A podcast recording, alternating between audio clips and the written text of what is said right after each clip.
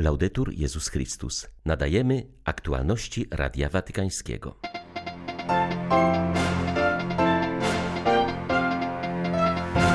Przewodniczący Episkopatu Polski zaapelował do rodaków, by mieli otwarte i gościnne serca dla uchodźców z Ukrainy, którzy w Polsce będą chcieli znaleźć schronienie przed wojną. Z Gruzów, Syrii i Iraku nie wyciągnęliśmy żadnej lekcji, podkreśla kardynał Bassetti w przededniu bezprecedensowego spotkania burmistrzów i biskupów basenu Morza Śródziemnego, które z udziałem papieża odbędzie się we Florencji. Ogłoszony przez Franciszka jubileusz posłuży odbudowaniu nadziei po trudnym czasie pandemii, wskazuje arcybiskup Fizikella, który jest odpowiedzialny za przygotowanie Roku Świętego. 21 lutego witają Państwa ksiądz Krzysztof Ołdakowski i Beata Zajączkowska. Zapraszamy na serwis informacyjny. Trzeba polecać Panu Bogu sprawę Ukrainy, ponieważ jest ona punktem wyjścia dla pokoju w całej Europie, mówi Radiu Watykańskiemu arcybiskup Stanisław Gondecki, zachęcając do kontynuowania modlitwy w intencji pokoju. Przewodniczący Episkopatu Polski zaapelował do rodaków, by mieli otwarte i gościnne serca dla uchodźców z Ukrainy, którzy w Polsce będą chcieli znaleźć schronienie przed wojną. Mówi arcybiskup Stanisław Gondecki.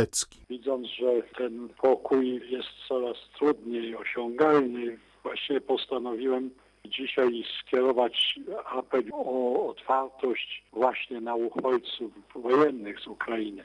Licząc na to, że do tego nie dojdzie, ale w gruncie rzeczy tego też nie można wykluczyć to wszystko może być trudne i tak jak poprzedni apel, który kierowałem już kilka lat temu o, o, przyjęcie uchodźców z Bliskiego Wschodu, wtedy to właśnie nie znalazło swojego dźwięku.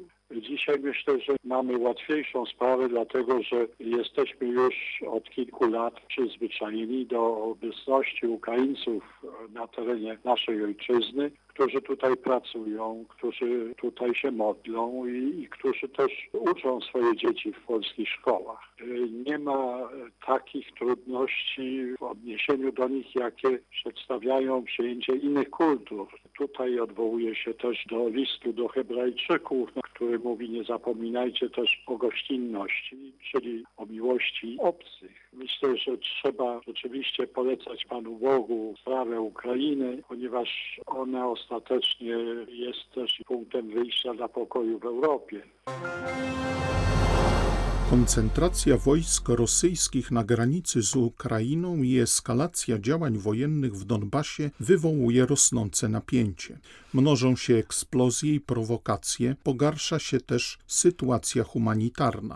Mimo to wśród ludzi nie ma paniki. Jest za to zmęczenie ośmioletnim konfliktem i chęć obrony ojczyzny. Jeszcze dwa dni temu myślałem, że to tylko presja ze strony Rosji, jednak teraz wyraźnie widać, że Moskwa szuka pretekstu do natarcia, uważa ukraiński salezjanin ksiądz Olech Ladniuk, który w rejonie Donbasu prowadzi duszpasterstwo młodzieży. Dlatego ukraińscy biskupi apelują o modlitwę i post w intencji pokoju.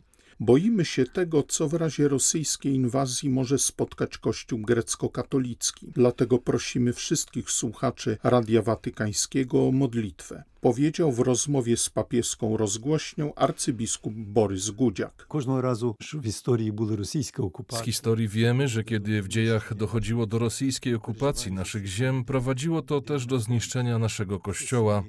To budzi niepokój, niepokoje się także o los młodych ludzi na froncie, o naszą ojczyznę i jej niepodległość. Jednak choć sytuacja zmienia się z godziny na godzinę, choć rośnie niepewność, to jestem pewien, że z nami jest Bóg, który przeprowadził nasz naród przez tyle wieków aż do własnej państwowości, nie po to przecież, abyśmy teraz zniknęli. Wierzę, że Jego wolą jest, abyśmy przetrwali.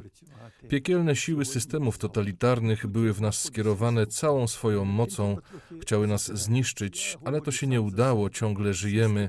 To uświadamia nam, że skoro Bóg był z nami w przeszłości, to będzie i teraz. To pozwala zrozumieć, że jesteśmy w Bożych rękach, że On nas prowadzi. W Bożych rękach, że Gospodź nas prowadzi.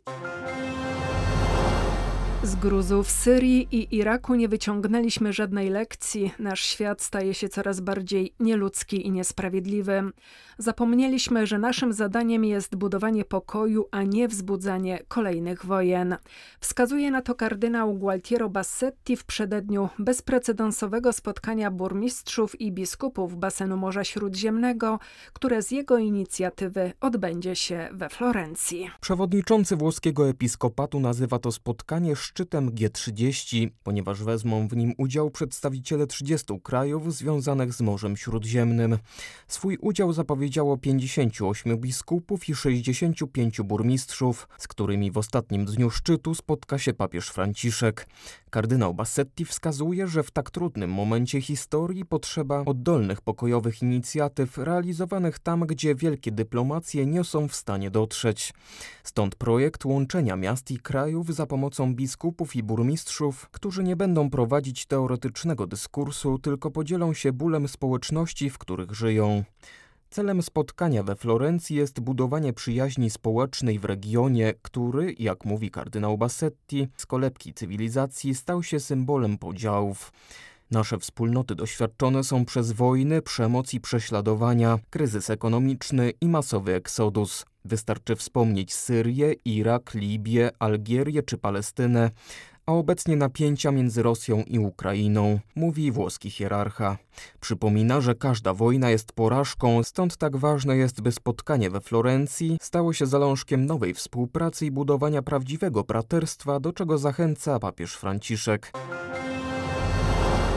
Papież Franciszek spotkał się z przebywającym w Rzymie prezydium Rady Episkopatu Ameryki Łacińskiej i Karaibów. Kardynał Odilio Pedro Scherer, który jest wiceprzewodniczącym Rady, zwrócił uwagę, że przedmiotem rozmów w Watykanie był m.in. proces synodalny na całym kontynencie latynoamerykańskim. Kardynał Scherer zaznaczył, że pomysł zorganizowania tego spotkania wyszedł od samego Ojca Świętego, który chciał ocenić owoce, które dojrzały po konferencji w Aparecidzie. Arcybiskup São Paulo wskazał też na pierwsze owoce adhortacji posynodalnej poświęconej Amazonii. Marzenia powinny inspirować działania i konkretne inicjatywy. Myślę, że wiele rzeczy dobrze się rozwija i idzie naprzód. Uwzględnianie, świadomość znaczenia troski o samą Amazonię jako taką, ale również o zamieszkujących ją ludzi, o to wszystko, co zawiera się w pojęciu ekologia integralna, o której mówi papież. Chodzi o naturę, środowisko, całą naszą planetę rozumianą jako wspólny dom. Amazonia jest bardzo ważną częścią tego wspólnego domu, o który wszyscy powinniśmy się troszczyć, nie tylko ludzie żyjący na miejscu i lokalne władze na terenie samej Amazonii, ale i cała wspólnota międzynarodowa.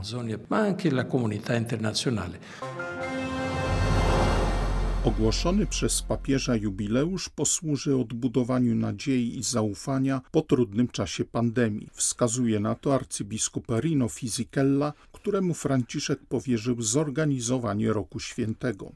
Odbędzie się on za trzy lata pod hasłem Pielgrzymi Nadziei. Papież Franciszek mówi nam wyraźnie, że przeżyliśmy i wciąż przeżywamy miesiące lęku i niepewności związane z pandemią. Boleśnie doświadczyliśmy zagubienia i często także śmierci najbliższych. Teraz czas spojrzeć w przyszłość i zobaczyć, jak odbudować nasze życie w najbliższych latach.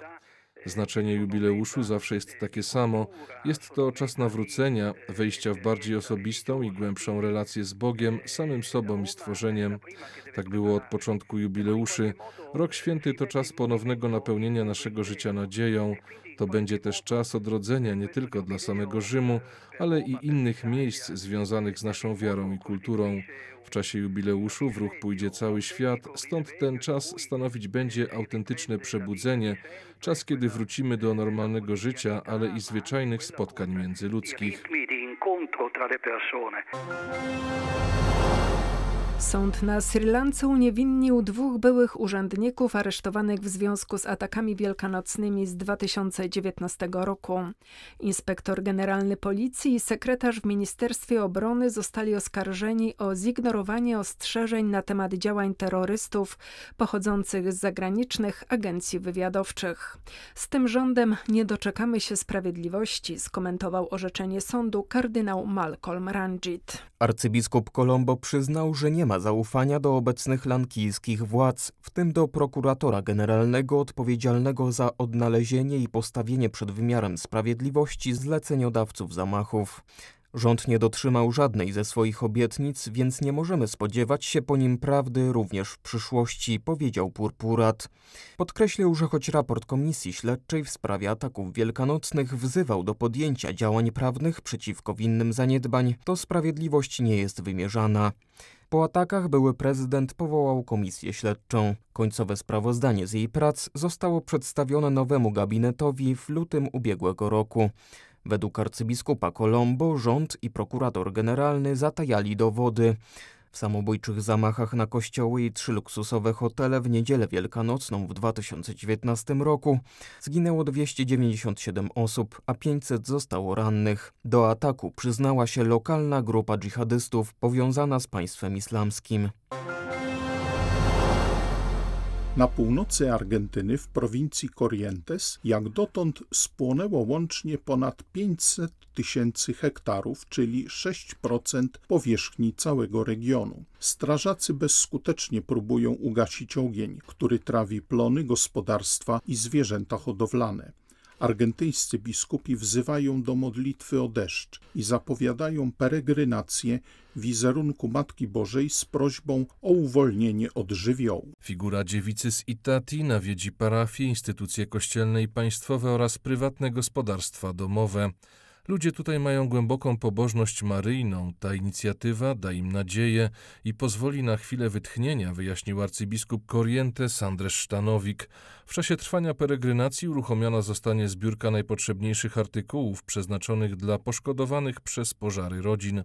Jak informuje Argentyński Instytut Technologii Rolniczej, obszar dotknięty pożarami w regionie Corrientes powiększył się od początku miesiąca ponad sześciokrotnie i wciąż gwałtownie się rozwija. Każdego dnia obejmuje kolejnych 20 tysięcy hektarów.